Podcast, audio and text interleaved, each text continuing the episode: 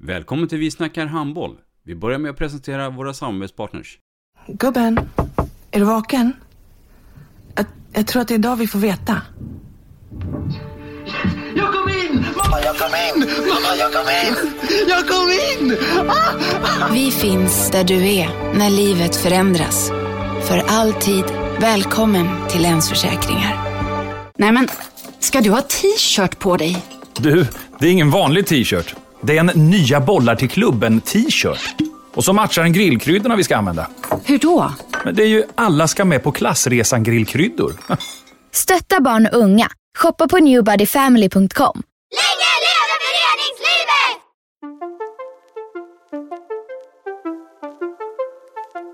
Välkommen säger vi till dig som lyssnar till den nya handbollspodden Vi snackar handboll med Robban Z och Matte. Vi snackar handboll, där du får veta alla sanningar som du inte visste att du missat. Vi snackar handboll.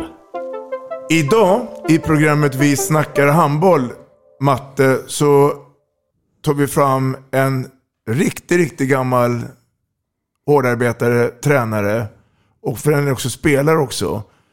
En hedersgäst skulle jag vilja påstå. Ja, som har tillägnat i stort sett hela sitt liv till våran kära idrott handboll.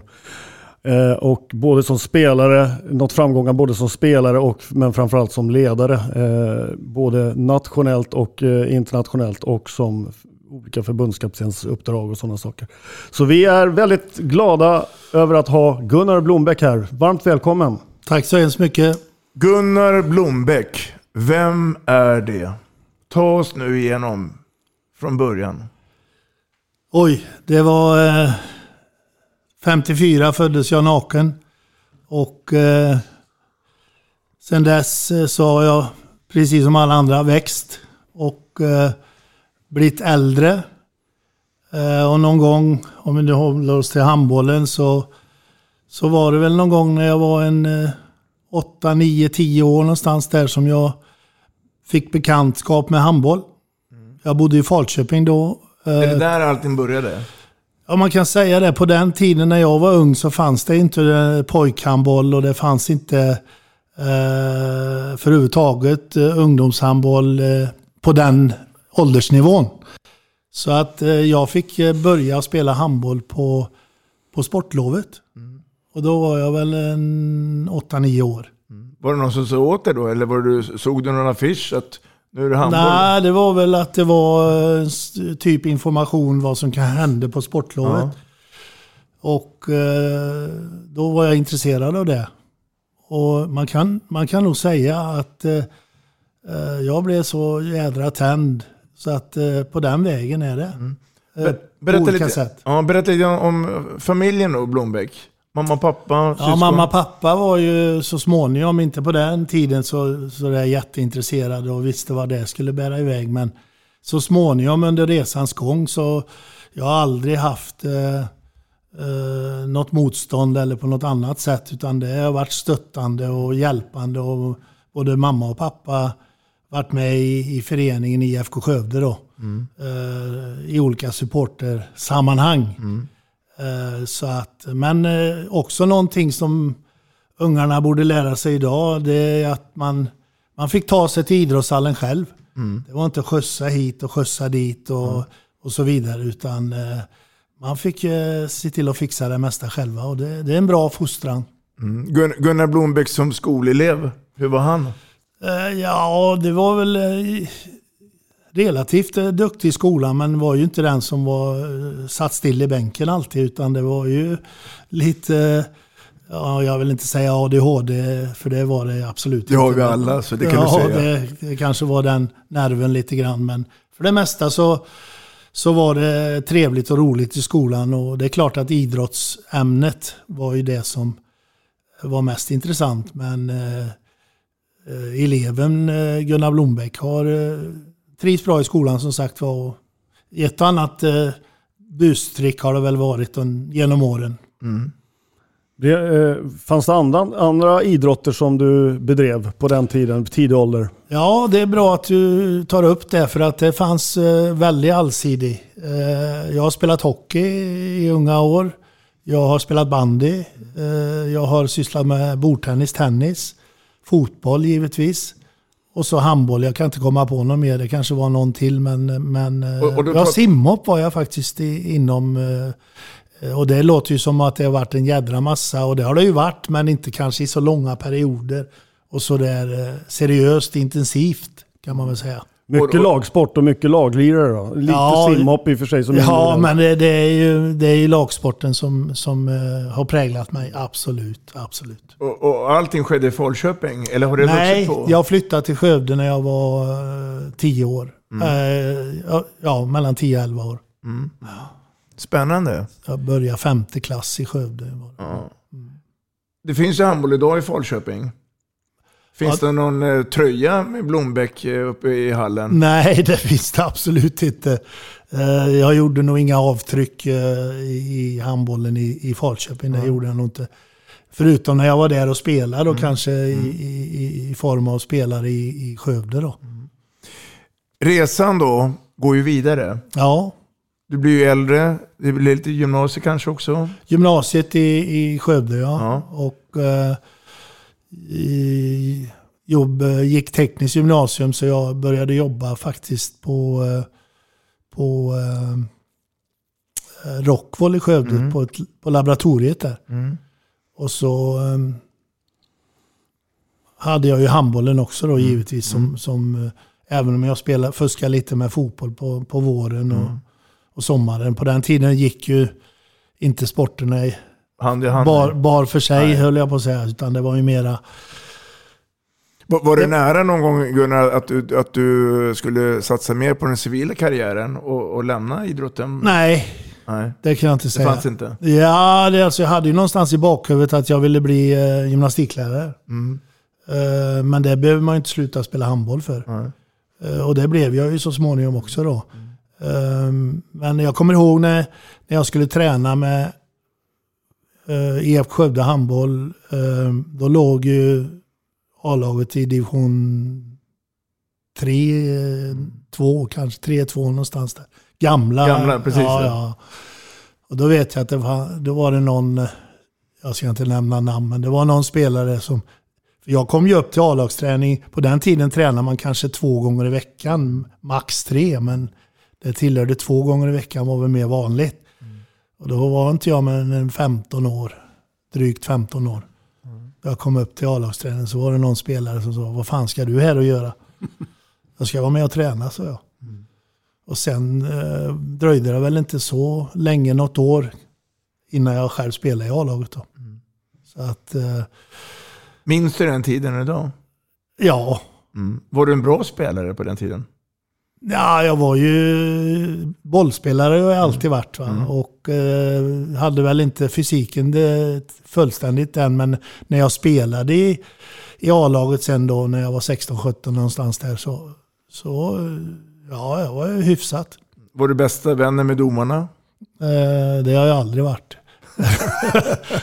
men vi har varit väldigt goda kompisar vid sidan om planen. Men när vi är på plan då, då eh, kan vi ha våra olika åsikter. Då. Men du blev ju bra som handbollsspelare över tid eh, och var ju med när Skövde började avancera i seriesystemet och, var med på hela den resan eh, som spelare. Ja, det var jag ju. Och sen så var jag ju fyra år, eh, fyra, fem år här i, i Göteborg. Eller här säger jag, i Göteborg. Eh, I Frölunda också då. Då spelade jag ju både i, i eh, högst, näst högsta och högsta serien då. Och, och eh, det var ju då i samband också som jag, som jag eh, den här olyckan var framme med, med gräsklippan som klippte av tre tår för mig som gjorde att jag fick stoppa upp lite där 1979. Jag var inne på då. Men för att, som svar på din fråga så var jag ju med hela vägen upp eh, på spela, spelarfronten och sen hade jag ju Kjelle Larsson och Bengt Rat som tränare så att jag var ju Bengt Rat hade jag ju sett till så han kom till Skövde via Frölunda där då. Jag hade spelat ihop med honom ett år. Kjelle Larsson såg jag också till att han kom till Skövde så att eh, eh, ja, stannar- involverad har jag alltid varit. Ja, om vi stannar lite grann. För du, i min lilla värld, när jag var liten, så var ju en riktigt stor förening, det var Västra Frölunda. Mm. Berätta lite mer om den, om den tiden. Ja, det, det kan jag gärna göra. Det, jag kan säga så här att eh, när jag kom till Västra Frölunda så hade de ju varit eh, ett av Sveriges bästa lag eh, och eh, var ju kända för att träna väldigt mycket. Enormt mycket. Och jag trodde ju att jag var, eh, jag ska säga ganska bra tränad. Men det kan jag ju säga att eh, det var jag inte. Mm. Och jag kom då från division 3. 20 år gammal eller 21 år gammal någonstans där. Och eh, jag kan säga att jag hade ont i magen varje söndag för jag visste måndagar och då skulle vi springa i Skatos. Och då kunde det röra sig om mellan eh, 8 och 18 kilometer. Eh, Men jag lärde mig väldigt mycket där i, i de sammanhangen och det har jag haft med mig hela min eh, tränarkarriär. Eh, att eh, det finns inga genvägar till, till framgång. Och- då handlar det mycket om distanslöpning, inte korta intervaller. Som, Det, det fanns men det var inte ofta. Nej. Vilka ledare hade du på den tiden? Jag hade Ingemar Eriksson som uh, värvade mig. Jag hade Håkan Drat som eh, hjälpte till med fysträningen. Och så hade jag Lars-Erik Sell som också eh, var involverad i fysträningen då. Och han kunde ju varenda jävla stig där uppe i, i Skatos. Eh, så han sa bara när jag viftar med den vita näsduken då ökar vi farten. Det var ingen idé att säga att man är trött. Nej, då, då fick du ta taxi hem i så fall. Ja, jag har också starka minnen med Lars-Erik Sell, för där, där var det fys på pannan på honom. Ja, ja absolut. Och det var ju den, det var ju den eh, VO2-tiden då så att säga. Och de kallar ju Frölunda-spelarna för skatterna, alltså från Skatos. Vi var ju väldigt ofta där uppe och under försäsong så kunde vi vara där uppe tre gånger i veckan. Eh, all styrketräning eh, fick du bedriva på egen hand, men det var det hade de här killarna vant sig vid som jag spelade ihop med eh, i min ålder och något yngre och något äldre. De hade vant sig vid det, så det var inga problem med disciplinen där heller. Det, även om vi var ensamma så, jag vet jag kom ner i styrkelokalen de första gångerna också i, i, på Slottsskogsvallen och de här eh, Ulf Rundahl och, och några till som var kända för att vara riktigt starka. De drog ju upp en 140 i bänk liksom. Och då var ju inte de, då var ju inte de än runt 20-21 år. Eh, jag höll på att svimma. Eh, Så att, men det var en träningskultur som hade skapat de här bröderna Söderberg, Lasse Karlsson, eh, Dan Dreijenstam och så vidare. Och fortsatte att skapa Danny Augustsson och, och allt vad de nu heter. Thomas Johansson är fortfarande en kompis med mig, eller som vi umgås en del, eh, målvakten då. När du tänker och rabblar upp det här nu, vad, vad, vad går det i hjärnan på det nu?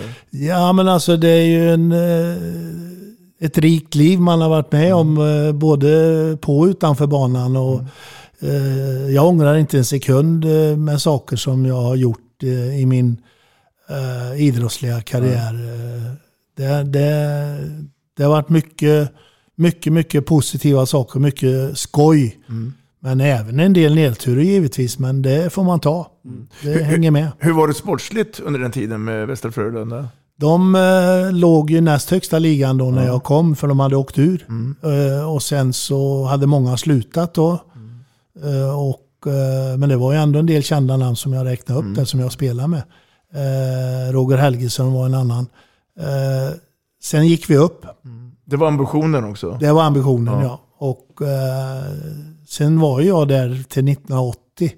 Och då spelade vi ju i elitserien och 1979 så förolyckade jag i foten där då. Då var jag ju som... Det tog mig alltså tre år. Och det kan ju folk höra idag. Liksom. Det to- tog mig tre år att komma i fatt fysiskt från den jag var när jag flyttade ner. Tre år! Och en del tror att det ska gå på tre veckor på försäsongen. De konkurrerande lagen på den tiden, vilka var det? Eh, ja du, uh, pratar vi i, i näst, Frölunda-tiden? Ja, när, när, när, näst högsta? Ja, precis. Ja. Eh, ja, vilka... vilka Det var inte Hammarby då? Eh, nej, Hellas kanske? Hellas var Ja, där ja. ja. Och, och H43 och sådana lag. eh, Varför jag ställer den frågan det är för att jag, jag vill ju säga att det, det var en helt annan eh, jargong och annan eh, eh, alltså föreningsanda på den tiden än vad det är idag. Ja, ja. Så det, det- det är ju helt klart att man, man... Eh, du, du du, byter inte klubb lika ofta som du byter skjortor nej, i, i, idag. nej. Eller idag, idag menar jag. Förlåt. Jag förstår. Ja, och det är klart att eh, ja, det är ju på gott och ont. Mm, Det är det. Vad hände efter då, Västra Frölunda-tiden? Ja, då flyttade jag hem till Skövde då, 1980. Var det ett självklart val? Eller var det någon som Eh, åt ja, dig? det, i det läget var det det. I det, Berätta. i det ja, alltså. Eh, det var ju att jag hade skadat mig det som sagt var och eh, kände väl att komma hem och, och göra en insats även för IF Skövde då. Mm. Eh, så att eh, ja, det, var ett, det var ett självklart val Mm. där och då. Hur, hur, var- hur, var, hur bra var IFK på den tiden? Eh, låg i, i näst högsta ligan Ja. som då hette division 2. Ja. Eh, så att, eh, och, och fanns med där i eh, topp ja, top 6. Uh, däromkring. Och det, skulle du vara någon ny form av Robin Hood och, och komma upp där och, och föra upp dem då? eller? Ja, lite grann kanske det var så. Men eh, vi fick ju eh, i början eh, bita i det sura. Men, men så småningom så började vi ju etablera oss ordentligt och, i toppen. Och sen eh, hade vi ju, alltså innan IFK gick upp i elitserien 1990 så hade vi eh, fyra torsk i kval under 80-talet. Och jag var med på alla. Eh, och femte gången som jag också var med då. När vi gick upp så hade vi eh, så hade jag varit med alla gångerna. Antingen som spelare eller som eh, ledare. Och jag kan säga i börj- första tiden när jag kom tillbaka i början på 80-talet, 80 och så början där på 80-talet. eh, Då hade jag ju tänkt att sluta spela. Några år över 30 där. Och ehm, vi, det, när jag kom tillbaka så när jag, när jag skulle eh, börja träna ta, laget då, och eh, då är vi inne i 80, fan är vi inne i då? 86, Ja, i 87 mitten på någonstans där. 80-talet där. Ja, Ja. 87. Då hade vi vunnit Svenska Cupen. Och då, då skulle jag träna laget. Och eh, då slutade några stycken duktiga spelare. Eh, som flyttade till Sävehof bland annat. Och Bengt-Inge Johansson flyttade till Katrineholm som hade kommit upp där. Och så. Kajk. Ja. Och då, då gick det inte som vi hade planerat. Eh, och efter jul där så låg vi, eller precis före jul så låg vi ju, om vi var näst sist i tabellen eller något liknande. Ja, vi låg risigt till kan man säga. Så sista matchen innan jul så hoppade jag in och spelade.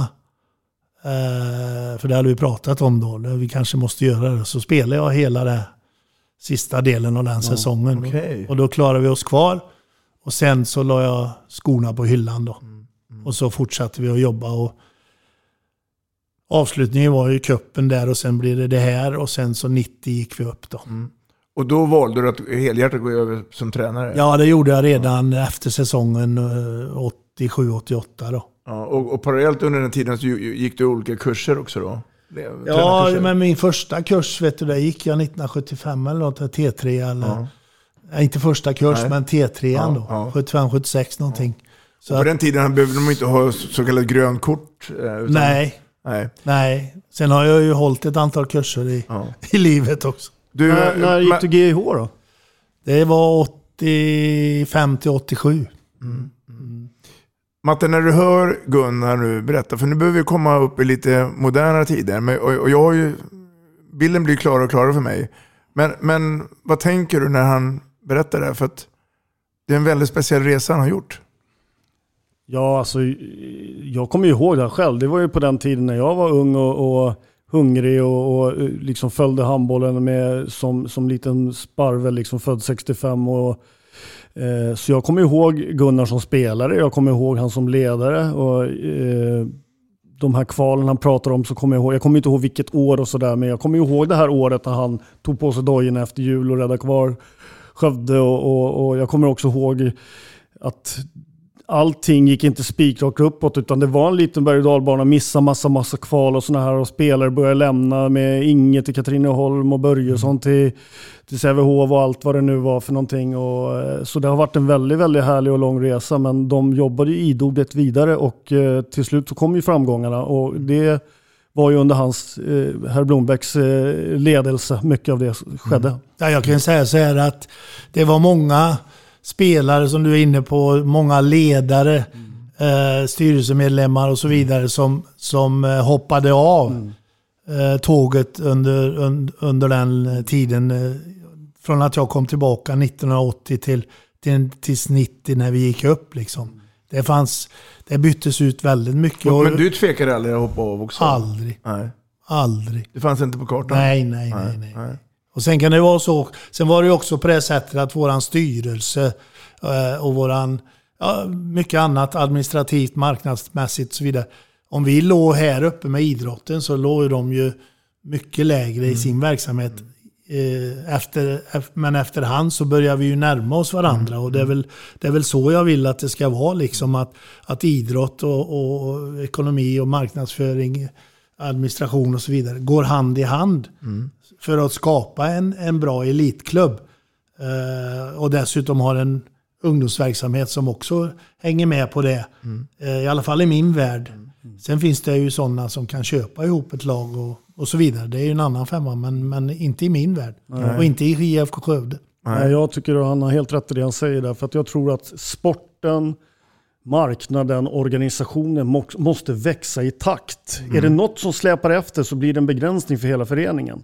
Mm. Eh, och det är, så, det, ja. det är det, jag menar att det, det, det måste vara så. Mm. Eh, kanske helst att det, det marknadsmässiga och allt det här ligger lite mm. före. Mm. Och, och, och, idrotten mm. lite bakom. Men inte tvärtom. Och Nej. vi pratar inte om en mils skillnad. Vi pratar om Massor. ganska många mil i början.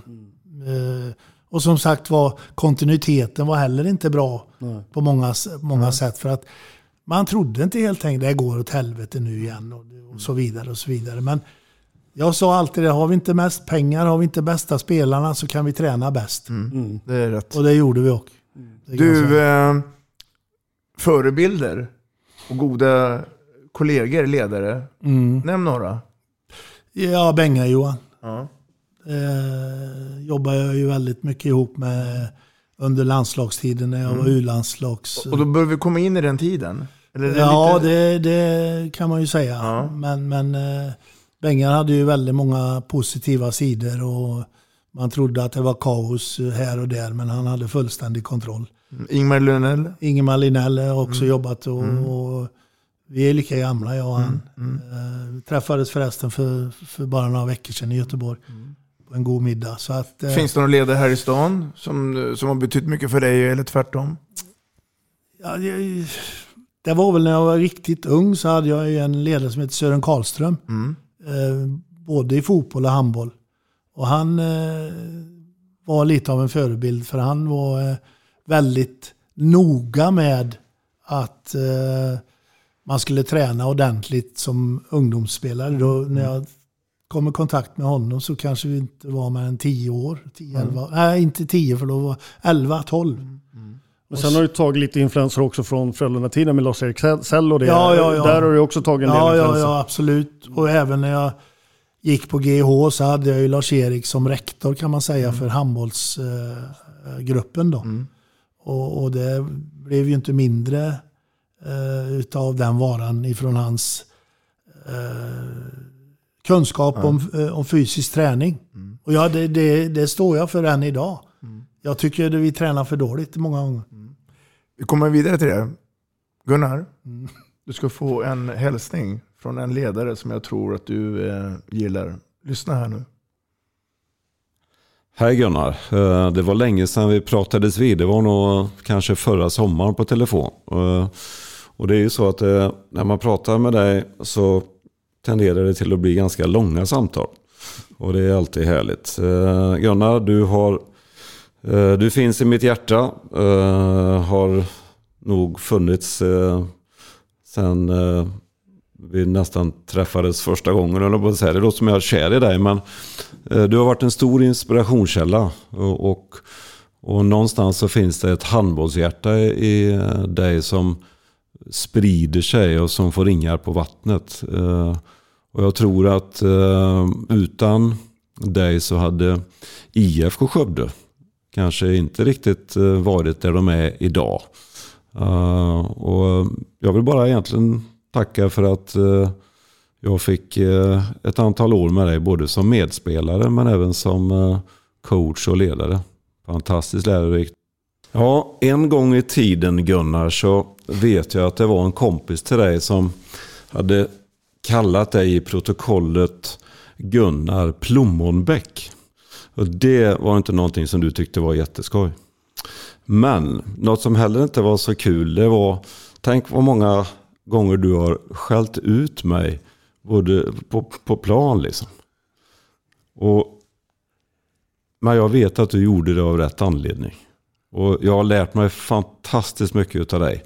Och du har varit en stor inspirationskälla eh, till mitt ledarskap. Eh, och jag tycker att eh, någonstans så har jag, IFK Skövde, där jag tackar för ganska mycket. Dels mina framgångar eh, men även IFK Skövdes framgångar eh, har mycket din stämpel på sig.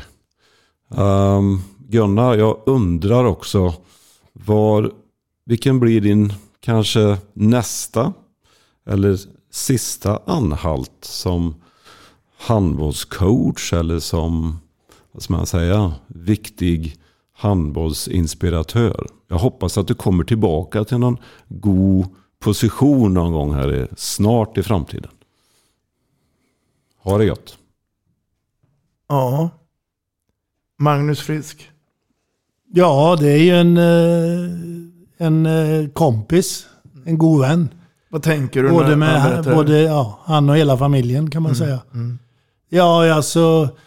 Eh, jag tycker att det är fint att få de här uppmärksamheten. Blir du, blir du rörd? Ja, man blir lite mm. rörd, det blir man. Men, eh, men jag tycker ju ändå att eh, jag tycker att han har rätt mm. i mycket det han säger.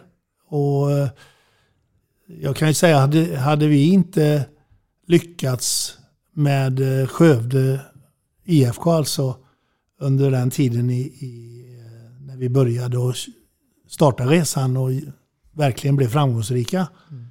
Så är det inte så säkert att HF eh, heller hade blivit framgångsrika. Mm. utan att ta ifrån någon någonting. Men det är lätt att...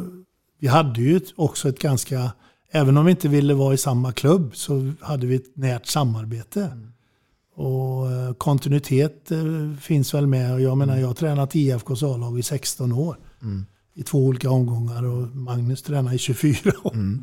Så att eh, det, finns, det är väl ett nyckelord i, i det här sammanhanget också. Tror du någon gång att IFK och HF slås ihop? Eller tror du att det är bra ändå att det är två olika föreningar? Jag tror att det är bra. Mm. Jag tror att det är bra. Det har jag alltid tyckt. Eh, jag och Abbe har haft våra duster om det med eh, Sävehof och, ja. och, damer och mm. herrar. Mm. Och jag vet ju att det har inte alltid varit så lätt att få, få det att gå ihop. Även om de har lyckats väldigt bra. Mm. Så så har det inte alltid varit så lätt. Vad säger Matte? Om eh, det så tror jag väl att det finns, eh, om vi tittar på Sävehof så kanske det är bästa exemplet på att det går ihop. Så finns det nog fler exempel där det inte går ihop på samma sätt. Ja. Mm. Eh, så att det kan finnas det. Men däremot så ser man, jag, tycker liksom att man ser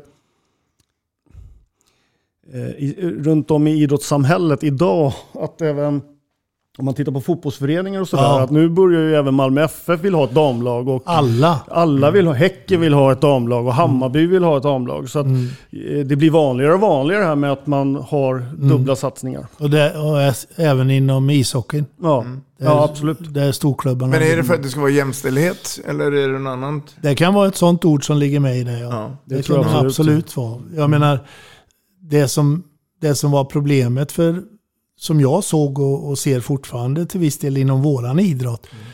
Det är ju ekonomin liksom. Mm. Att det få två stycken att, gå ihop. Va? Mm. Uh, men har, har man två fungerande verksamheter som kan hjälpas åt och dra fram varandra eh, så känner jag idag att det är lite populism det här med, eh, med att eh, klubbar idag på fotbollssidan och ishockeysidan ska ha damlag också. Det känns lite så, men, men det kan hända att det fungerar jättebra och då är det väl bara att tuta och köra då. Mm. Det finns ju lite annan... Det finns ju andra ekonomiska muskler i de idrotterna jag pratar om Mm. än vad vi har i handbollen. Eh, och vi kommer aldrig troligtvis komma i närheten av det. Vi går vidare på Gunnars resa. Och vi går fram till ett minne som jag aldrig kommer glömma. Eh, förmodligen inte du heller Gunnar. Och det tänker jag på Globen. Hammarby. Ja, ja, ja. Absolut. Eh, finalen där. Mm. Eh, jag misstänker att du skulle kunna lägga den matchen i papperskorgen. Eh, Nej, på sätt och vis. eh, Ja, matchen i sig kanske. Eh, Men, men inte... eh, Jag menar, du ska slå dig fram till en SM-final. Det är inte alla som är väl förunnat Nej. till det. Och det gjorde ni. Det gjorde vi genom att ha kommit sexa i, i ligan. Och, Mm. och, Det hade här jag vill att du berättar. Hur var det möjligt? och, och komma dit. Ja. För ni kommer sexa i grundserien. Vi kom sexa och hade säsongerna innan, både den säsongen innan och säsongen före det, hade vi tappat ganska många spelare och inte haft ekonomi att ersätta med samma kvalitet. Så att vi hade eh, fått eh, klippa och klistra. Eh, men grunden, vi tränar jävligt bra. Eh, och och det, det var grunden till att vi klarade av att slå oss fram. Och du höll den, den linan hela tiden. Du tvekar inte en sekund. Aldrig. Nej. Aldrig. Det har jag aldrig gjort. Och det är därför Magnus säger där att han har fått lite skäll ibland. Mm. Och det har alla mina spelare fått. Men det är med mitt stora hjärta Mm. Som de får det. För att jag vill och jag vet att de blir bättre. Eh, och det finns ju... Ja, jag vet inte hur många spelare jag har haft ute i Europa från både Sverige och Norge. Men säkert en 40 stycken, 45 kanske. Och, och landslagsspelare, inte lika många men ganska många. Så att det blir... Eh, sen hur, hur vi kunde förlora, det var soppatorsk. Mm. Med så mycket. Plus att Hammarby hade 9000 supportrar i, i, i ryggen. Ja. Det ska man inte... Nej. Så jag vet vad jag sa till Abbe när jag kom ner på frukosten dagen efter. Nu är det slut på den här skiten, sa jag. Nu ska vi ha fem matcher. Mm. Jag spelar, vi kan inte spela här, det är ju, det är ju deras hemmabana. Mm. Så att... Eh, men det tog ganska många år innan det Innan de ändrade det. ändrade. Ja. Men såg du också, men fanns det en skärm också för handbollen och festen? En final, damer och herrar. Ja, det gjorde jag absolut. Mm. Eh, första gången, var, även om vi förlorade med ett mål på målfoto mot Sävehof, så då var det ju vad var det, 16 16 16 tusen i, i, i Globen. Och det, det, det var en, en otrolig handbollsfest. Det var väl en, eh, jag vet inte exakt, 50-55 bussar ifrån Skövde till exempel. Eh, och då var det ju liksom även för damerna. Men så småningom, allt eftersom, så börjar ju det här trappa, trappas av. Va? Det kanske satt 2000 i, i Globen när damerna spelade och eh, inte långt ifrån fullt när herrarna spelade. Så att det, det, hade, det hade spelat ut sin roll. Eh, plus det här att om du, om du hade fått, om du kommer före laget och får tre hemmamatcher av bäst av fem. Då har du kanske större chans att vinna också, än bara i en match. Där du kanske har två som är sjuka eller skadade eller vad, vad det nu kan vara. Så det finns många aspekter i det hela. Nu, nu är ju ingen här från Svensk Elithandboll, men jag tror att de köper ditt resonemang. För det blev ju så att man gick ju tillbaka då till flera matcher då. Mm. Eh, och, och det, är väl, det är väl mer fair play, så att säga. Jag är imponerad av den resan. Återigen, ni kommer sexa i serien eh, och sen spelar den här finalen. Mm. Ehm, det händer mycket här nu i, i ditt lilla liv och stora liv då. För att, eh, um, rätta mig om jag har fel, men du, får ju också samtal från Handbollförbundet Mm. att bli eh, förbundskapten. Mm. Eh, och sen så blir det även äventyr utanför Sveriges gränser. Det här är en intressant resa. Du. Eh, ja, jag fick ju en, jag stod hemma en fredagkväll och, och gjorde middagen för kvällen. Jag hade kommit från träningen och eh, det måste ha varit i januari någonstans tror jag. Mm. Telefonsamtal vid, ja, kunde ha varit halv sju, sju någonting. Åtta kanske, jag vet inte riktigt. Men någonstans där. Och så är det en eh, kille från, från Schweiz som eh, ringer och frågar om jag är intresserad av att bli förbundskapten i, Schweiz. Och det måste ju då varit eh, 93. Mm. 92, 93 någonting. Samma år då som VM på hemmaplan? Just det. Ja. Just det. Mm. Det var efter det jag tog över då. Ja. Så att, eh, och då så svarade jag, det var ett väldigt kort samtal, kanske var på tio minuter. Mm. Tror du det var ett skämt först? Eller? nej, nej det, det förstod jag att det inte var. Eh, Mm. Men, men eh, jag blev ju förvånad. Mm. Det blev jag absolut. Men, men eh, det var trovärdigt. Så, Mm. så jag sa att... eh, För jag hade ett kontrakt, eller om jag skulle skriva ett nytt kontrakt med IFK. Och, nej, jag tror jag hade skrivit nytt. Men då, då fanns det en klausul om jag skulle få ett proffserbjudande så fanns det möjlighet för mig att ta det. Mm. Ungefär så var det. La du alla korten på bordet till IFK och sa att eh, de har ringt från Schweiz här? Eh, nej, jag, jag behöll det för mig själv till att börja med för att eh, jag visste inte vad det skulle mynna ut i. Och, om jag var intressant och ena med det tredje i, i förlängningen då. De hade ju säkert flera kandidater. Men jag sa att jag var intresserad. Mm. Och, och sen slutade samtalet i princip. Sen ringde de väl eh, någon vecka senare och sa att de skulle komma och titta på en match. Och då spelade vi mot Sävehof borta i Bartlebohallen. Och sen så ringde de igen och, och sa att ja, du får komma ner. eh, Vi vill ha dig ner här på fredag. Och det kanske var tisdag, då. onsdag. Så det var snabba ryck då. Så jag flög ner till Zürich och så hade jag ett möte där ute på klåten på flygplatsen. Med eh, en advokat ifrån eh, förbundet. Eh, och det var väl på en fyra, fyra, fyra och en halv timme någonting. Och sen flög jag hem igen. Och sen tog det väl en... Tog det två veckor? Nej, det tog inte det ens. En och en halv vecka kanske. Så, så kom de tillbaka och sa att du, du får jobbet om du vill ha det. Så var jag tvungen att fundera hur det är då. Med Var det på familjen. heltid då? Eller Ja. var, var det på heltid? Ja, på heltid. Ja. Ja. Det var det. Och du tackade ja? Ja, tackar jag. eh, När vi hade pratat igenom det där. Ja. Det, det är heller ingenting som jag ång- ångrar. Nej. Nu med distans då. Hur, hur lyckades de få kontakt med dig? Tror du att det var så att de fick någon eh, kontakt, eh, agent eller insider? Agent har jag aldrig haft i Nej. hela mitt liv. Nej. Eh, De har inte varit så förtjust Nej. i. Sen fanns det ju inte så många heller Nej. under den tiden som jag. De började ju växa upp som svampar lite senare.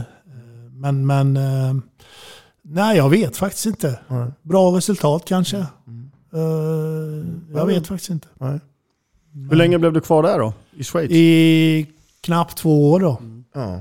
Eh, Schweiz hade ju, jag kan bara dra en kort historia. Schweiz hade ju blivit fyra i, i VM i Stockholm där.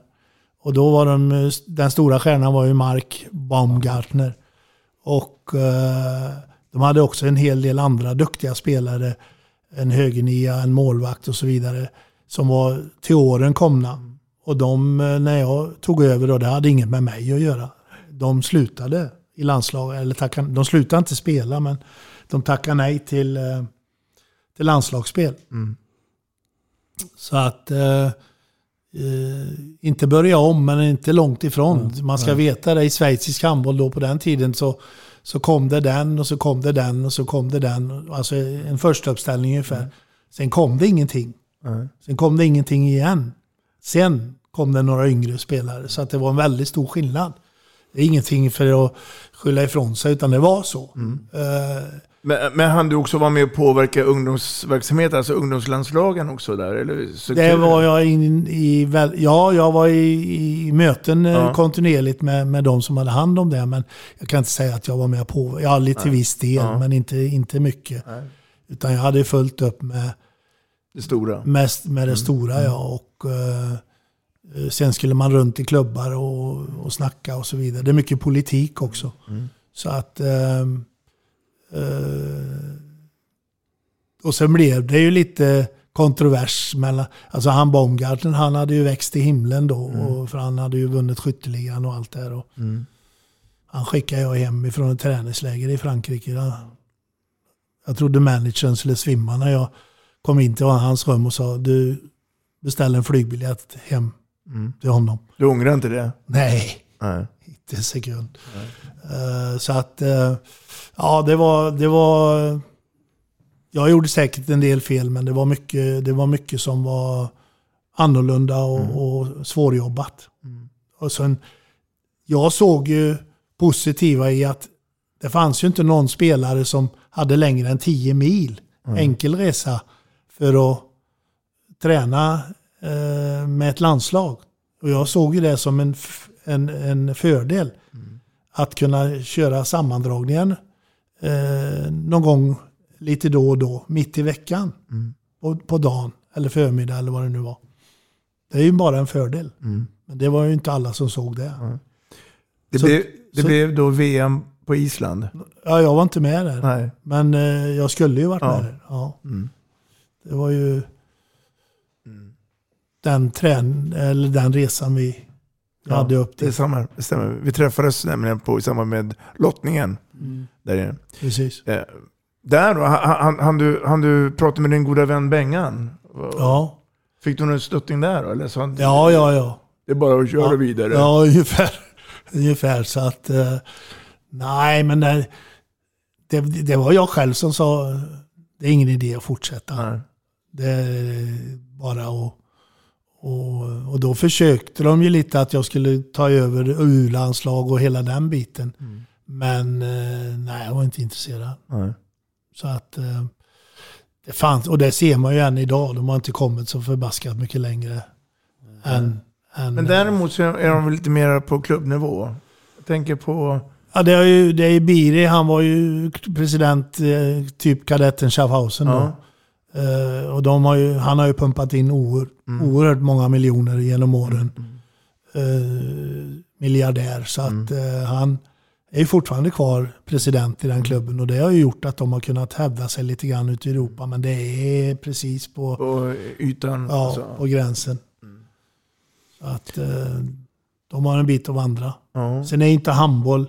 Jag vet att det var en av föräldrarna som sa till någon av mina spelare där, landslagsspelare som och där berättade han själv över en kopp kaffe att mamma och pappa undrar vad jag skulle göra när jag blir stor.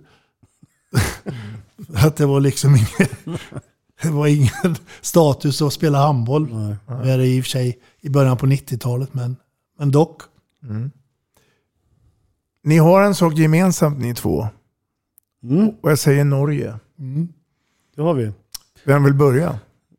Jag kan väl börja, jag kan väl börja med att säga att eh, Gunnar har gjort två sessioner i eh, Stavanger. Eh, varav den första framförallt var ju, blev en enorm framgång i, och ett lyft för hela staden och handbollen med framgångar både nationellt och, och internationellt eh, med ett väldigt slagkraftigt lag där. Och du fick ju över också en del svenskar på den tiden, stora namn som så den, den resan är jag jätteintresserad av, hur, hur du har sett på den, eh, den resan där borta.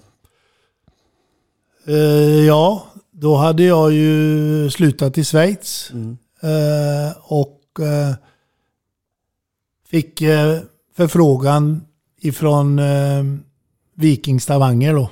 Mm. Och det var ju 93 någonstans där, 94. Uh, och uh, 94 var det nog. Och de hade, de hade hört av sig. De hade en energisk uh, marknadschef, Arvid Löcke hette han. Uh, som hade ringt mig säkert uh, tio gånger Minst. Jag hade inte svarat alla gångerna för jag såg ju... Men, eh, men jag hade ju svarat och så jag hade tackat nej. Mm. Men han gav sig inte och detta var ju då i februari. Eh, Det började ju i januari det året. Eh, Och eh, då var jag nere i Spanien och spelade golf med Bengan. Mm. Och, och en annan handbolls... Nörd. nörd ja. Eh, Och, och då, då sa Bengan lite som du sa det tidigare. Ja men åka upp och ta dem då, det är, det är väl inget att vänta på. Ungefär va. Och, eh, och då eh, bestämde jag mig, inte bara för att han sa det, men jag bestämde mig, okej jag hoppar på det då. För jag hade flyttat hem till Skövde. Eh, och hyrde ett annat hus, för jag hade hyrt ut, eller vi hade hyrt ut vårt eget hus då. Och då hade jag bestämt mig tre månader. Sen åker jag hem igen. Och då hade ju de ganska så slagkraftigt lag, men de hade inte fått ihop det. Och det var ganska många äldre spelare. Mm. Och, och de... eh, Ja, det var lite utgående datum på flera, även om det fanns mer att ta av vad de kanske hade klarat. Och det visade sig att de låg ju näst sist. Mm. Och hade ju räknat med topplacering. Eh, med, med, med sitt, det var flera före detta landslagsspelare. Eh, Rune Erland bland annat, som var en stor eh, handbollsspelare i, i Norge på den tiden. Och, eh, så jag... Första matchen spelade jag i Bod, uppe i Bode. Jag trodde vi skulle... Var ungefär som att åka till Mallorca. Mm. Eh, jag tänkte, vad fan är det här liksom? Och, men... eh, och vi fick stryk den matchen ganska klart. Spelade i en eh, hall där som var svinkallt. Och, och eh, kom hem och sen så hade vi några träningar. Då hade jag bara haft en träning. Och sen, sen kom, kom vi igång den veckan och tränade på och hade lite möten och allt sånt där. Och så. Så de hade det, vi hade nio matcher som vi spelade och vi vann sju. Mm. Vi slog eh, Drammen som ledde klart med Kent Harry. Mm. Körde vi över med nio bollar. Och sen så eh, vann vi över SIF som då låg tvåa i serien. Mm. Eh, Där slog vi dem med, med en boll. Avslutade med en uh, luft eh, på vänstersexan. Då kommer han, managern, eh, och springande när matchen är slut. Det är ju ganska många, ett par tusen var det i hallen då. Då springer han liksom och fram till mig. Jag visste att du var god. Men jag trodde inte du kunde trolla. Så det var ju, vilken kommentar, det var rätt skön faktiskt. Så sen så, och då hade han sagt till mig innan att vi skri, måste skriva treårskontrakt. Nej, nej, nej, nej. Du får gå ut med vad fan du vill, men jag skriver inga treårskontrakt. Det är tre månader som gäller, sen åker jag hem. Men det blev ju sex år. Vad, vad, vad, Och då hade vi ju en resa som vi byggde upp verksamheten eh, väldigt starkt på seniornivå. Eh, ungdomsnivån den fanns nästan inte. Ja. Den fanns men Ja. den var väldigt, det var som Fornköping. ja ungefär. Mm. Det, ja precis. Mm. Eh, Så att... Och då satte vi upp en målsättning att inom tre år ska vi vinna ligan. Och det gjorde vi. Mm. Och sen så var vi då ute i Europa och spelade. Så jag tror jag gjorde en, ja vi hade nog en sex, ja, inte 60 men 40 Europacupmatcher, kanske mer. Eh, då vi gick som bäst till semifinal. Eh, och förlorade den mot eh, Teca, Santa Bria, Mm. kan, eh, vad heter det? Santander. Mm. Eh, och då, I eh, Spanien. Ja. Och eh, då hade vi en helvetes resa ner. Men det är en parentes. Så att vi, det var knappt förlorad. Sen slår de Wetzlar i finalen med 15 mål. Vi förlorar med, med tre mål sammanlagt. Oavgjort på hemmaplan. Med en viss Jakimovic som vänsternia till exempel. Är- Är det här nå- någonstans i tiden som ni vill påstå att norsk herrhandboll växer med uppgiften? Ja. Och det var tack vare, eh, inte bara jag, flera svenska tränare. Mm. Typ Kantari. Ja. Som är en av mina bättre vänner. Det är intressant. Eh, och sen hade Ragge haft uh, Ja, Ru. Runar. Ja, Runar, precis. Ja. Så att det, det var, det vill jag påstå. Mm. Sen följde det där på, sen tog det en, en stund innan man, och jag menar Christian Berge, han har ju lärt sig väldigt mycket i, i min skola. Mm. Han var ju fyra, fem, fyra och ett halvt år hos mig. Och det var också en ganska eh, rolig historia. För då var det en ledare uppe i Trondheim. För Christian är från Trondheim. Han har aldrig varit på något landslagsläger. Eh, varken pojk, U-landslag eller någonting. Och den här sport, eller den här ledaren ska jag säga. Eh, Rapp kom han ifrån. Han sa att det finns en intressant spelare. Han ringde till våran sportchef. Eh, och talade om då att eh, det finns en intressant spelare uppe i, här uppe i Rapp. Och då säger jag nej, vi skiter i det. För vi var ganska bra. Alltså, vi hade, var på väg att ha ett riktigt bra lag. Precis som du sa förut. Alltså, vi, vi, ja, vi var riktigt bra. Så fjärde gången han ringde, och då är det ganska långa mellanrum. Då säger jag till br- brallen som vi kallar sportchefen. "Eh, du får uh, ja, men beställa en flygbiljett till honom då, så får vi titta vad fan det är. Eh, så jag åkte ut på flygplatsen och mötte honom. Jag, kände, jag visste inte, jag hade aldrig sett han. Kom det nerför rulltrappan där i trasiga jeans och, som inte var modernt på den tiden. Eh, och eh, långt hår och ja, såg ut som en hippie. Eh, om det nu finns liknande, men, men han såg speciell ut. Sen så hade vi en lunch som varade i tre timmar. Pratade om allt. Och sen hade vi träning på kvällen. Och när, när vi hade gjort uppvärmning alltså och börjat träna handboll. Så efter tio minuter gick jag bort till sportchefen. Se till att signera honom fort som fan. och eh, på den vägen var det. Mm. Sen blev han landslagsspelare och han också. Mm. Och eh, så småningom sålde vi han för 800 000 till Flensburg. Fyra och ett halvt Mycket år pengar sedan. på den tiden då. Uff, det var Ja. mycket. Ja. Så att, eh, och han är idag förbundskapten. Mm. Eh, Så att, eh, ja. Mm. Det är en av de bättre fick med några svenskar dit också. Ja, jag hade ju Mattias. Mm. Som, eh, han fick ju tyvärr, Madde var ju med också, men han fick tyvärr stanna, eller fick ju bara ett år då för att då 00 så skulle de ju slå ihop. Ja, just det. Och, och jag var ju erbjuden tränarjobbet men eh, jag såg ju vartåt det balka. Jag kan säga då när eh, det var för mycket folk som skulle positionera sig och det var svårt att få det att, att gå ihop liksom när två lag ska, eller klubbar ska, med starka eh, traditioner ska slå sig ihop. Mm. Det är inte enkelt. Och dessutom har man skuld på båda sidor.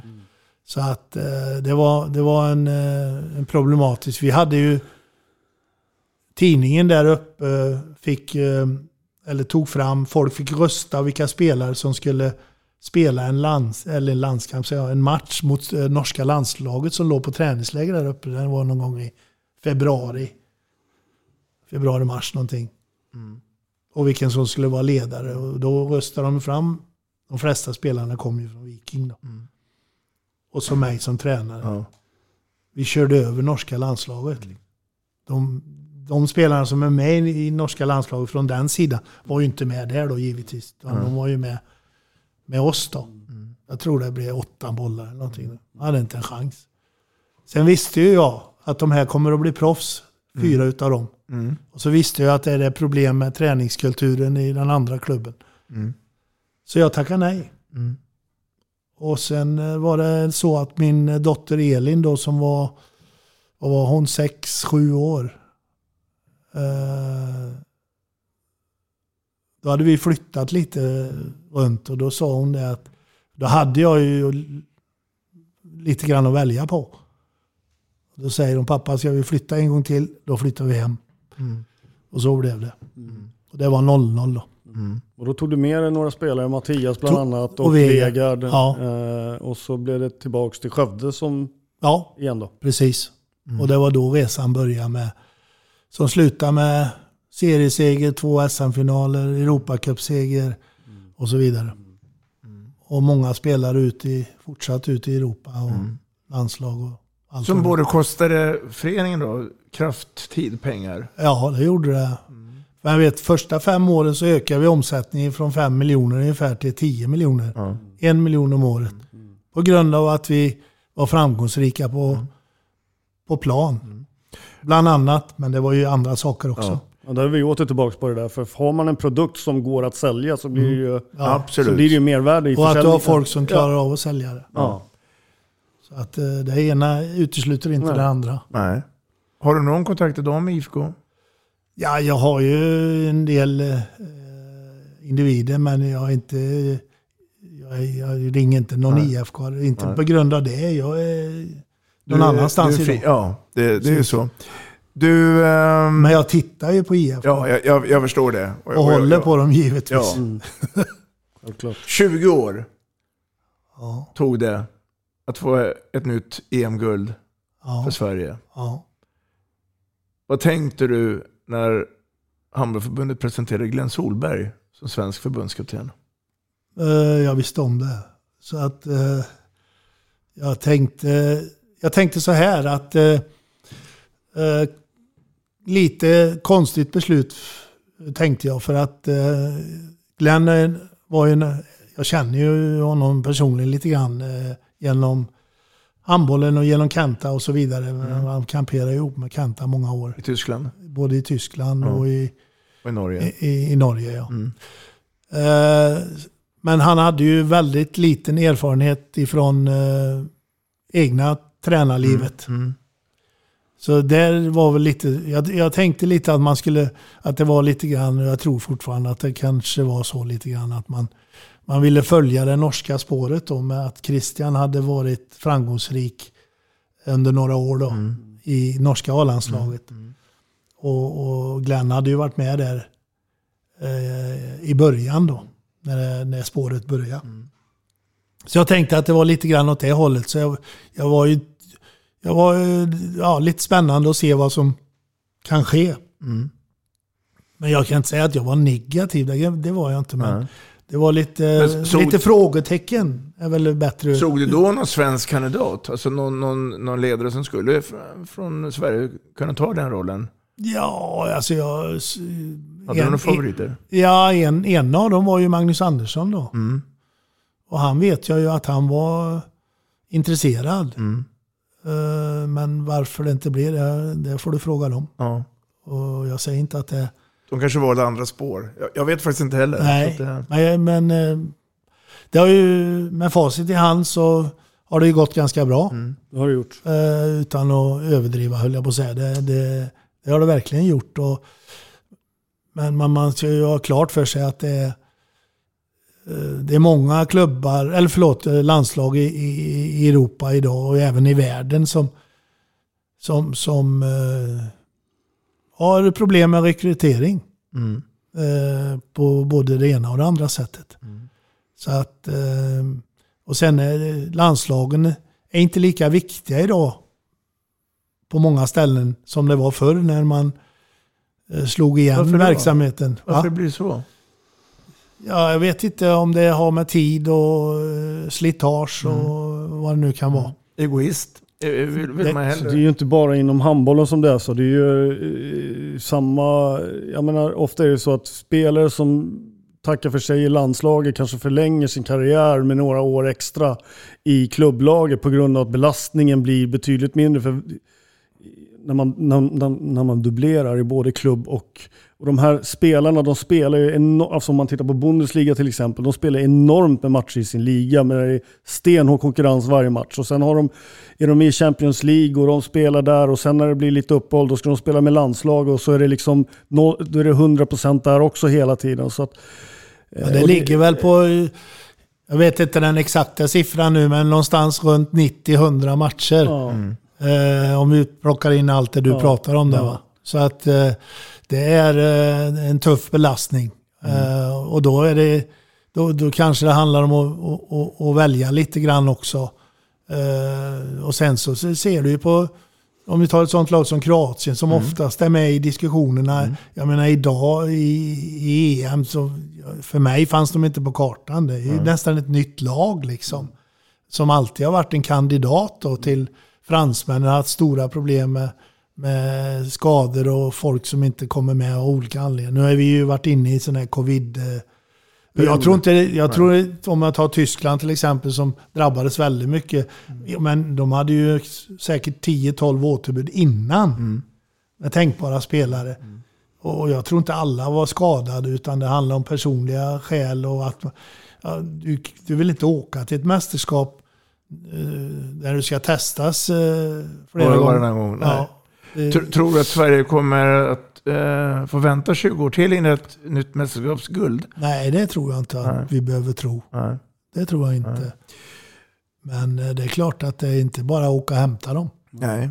Jag tror det finns en anledning också att en del väljer faktiskt att spela. Som typ, om vi säger, eh, en del spelare som väljer att spela i specifika klubbar som gör ordentliga satsningar fast i mindre, som spelar i mindre ligor. Typ Kielce i, Polen och i Veszprem i, i Ungern. Liksom, där det blir ett lugnare klimat i den nationella konkurrensen. De, de kan gå runt på laget mer och vinna matcher. Men sen har de den här spåret där de satsar väldigt, väldigt hårt på på Champions League-delen och även har eh, många spelare från olika länder som Mm. också är med i de stora eh, internationella Ligorna. mästerskapen Ja. på landslagsnivå. Mm. Eh, där belastningen blir lite mindre på dem för att konkurrensen i, på nationella serien inte är så stor. Men just de här som spelar i, i Bundesliga, då är det 100 matcher med kniven på strupen hela tiden. Liksom. Och det blir nog det tar sin energi om man håller på så år efter år efter år efter år. Ja, det, det är ju helt klart att det är på det sättet. De här mindre ligorna, det är inte samma belastning. Du kan, ställa, du kan spela med B-laget och vinna med 10 bollar ändå. Liksom. Så att det, det är en jävla skillnad i förhållande till Bundesliga. Och det är väl egentligen bara Spanien kommer Barcelona, det kommer inget, sen kommer inget. Och sen möjligtvis kommer det något lag till. Eller två. Eh, Polen är ju likadant liksom. Så att eh, det är eh, en väldig skillnad. Mm. Väldig skillnad. Vi går tillbaka till hälsningen från Magnus Frisk. Mm. Så var det sista frågan där. Vad blir ditt nästa anhalt? Du har också sagt till mig att det är färdigt nu. Ja, och det... Jag har ju inte ändrat den i för en halvtimme sedan eller timme sedan, vad det nu är. Utan den, den, eh, den har stått fast eh, ganska länge. Jag, är, jag är färdig nu. Jag är intresserad av handboll, jag är uppdaterad och så vidare.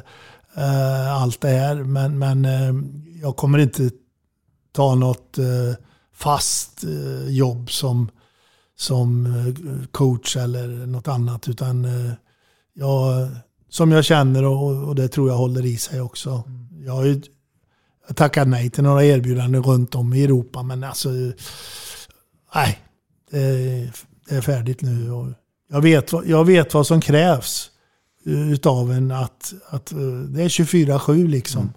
Och, och komma till ett ställe bara för att du ska eh, tjäna några kronor, det är jag inte intresserad av. Det har jag aldrig varit. Du får jobba med den lilla mindre bollen och svingen, golfen. Ja, den, den kan ju vara intressant att eh, förbättra. Eh, det är nästan så att den är så dålig nu så att eh, jag inte har någon lust att börja med det heller. Men vi får se vad, vad, vad, det, vad det väntar bakom hörnet. Eh, däremot kan man ju göra en sån här grej som jag gör nu. Det tar ett antal timmar eh, totalt sett. eh. Eller Gästträna. gästträna om någon känner att de skulle vilja ha. Alltså, bara för att ha, ha skoj helt enkelt. Men det totala ansvaret, det är färdigt. Gunnar Blombeck. Vi har passerat 60 minuter. Ja, det är inte så det är så att eh, tiden har kommit ikapp oss. Ja.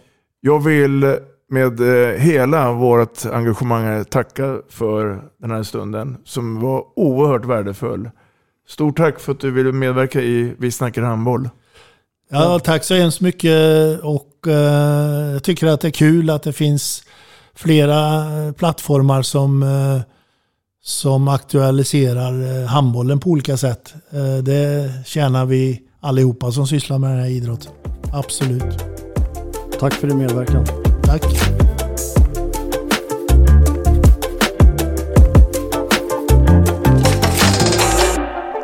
Vi snackar handboll, där du får veta alla sanningar som du inte visste att du missat. Vi snackar handboll. Vi snackar handboll produceras av produktionsbolaget High On Experience, från vision till passion. Ett avslutande tack till våra samarbetspartners. Hallå! Kommer ni eller? Ja, ja. Har du sett mina ankelsockar? De här? Nej, nej, jag menar skridskoslip till juniorlaget Ankelsockarna. Ja, men kolla bredvid träningsläger med handbollstjejerna-t-shirtarna. Stötta barn och unga. Shoppa på newbodyfamily.com. Länge! Gubben, är du vaken? Jag, jag tror att det är idag vi får veta. Jag kom in! Mamma, jag kom in! Mamma, jag kom in! Jag kom in! Ah! Vi finns där du är när livet förändras. För alltid välkommen till Länsförsäkringar.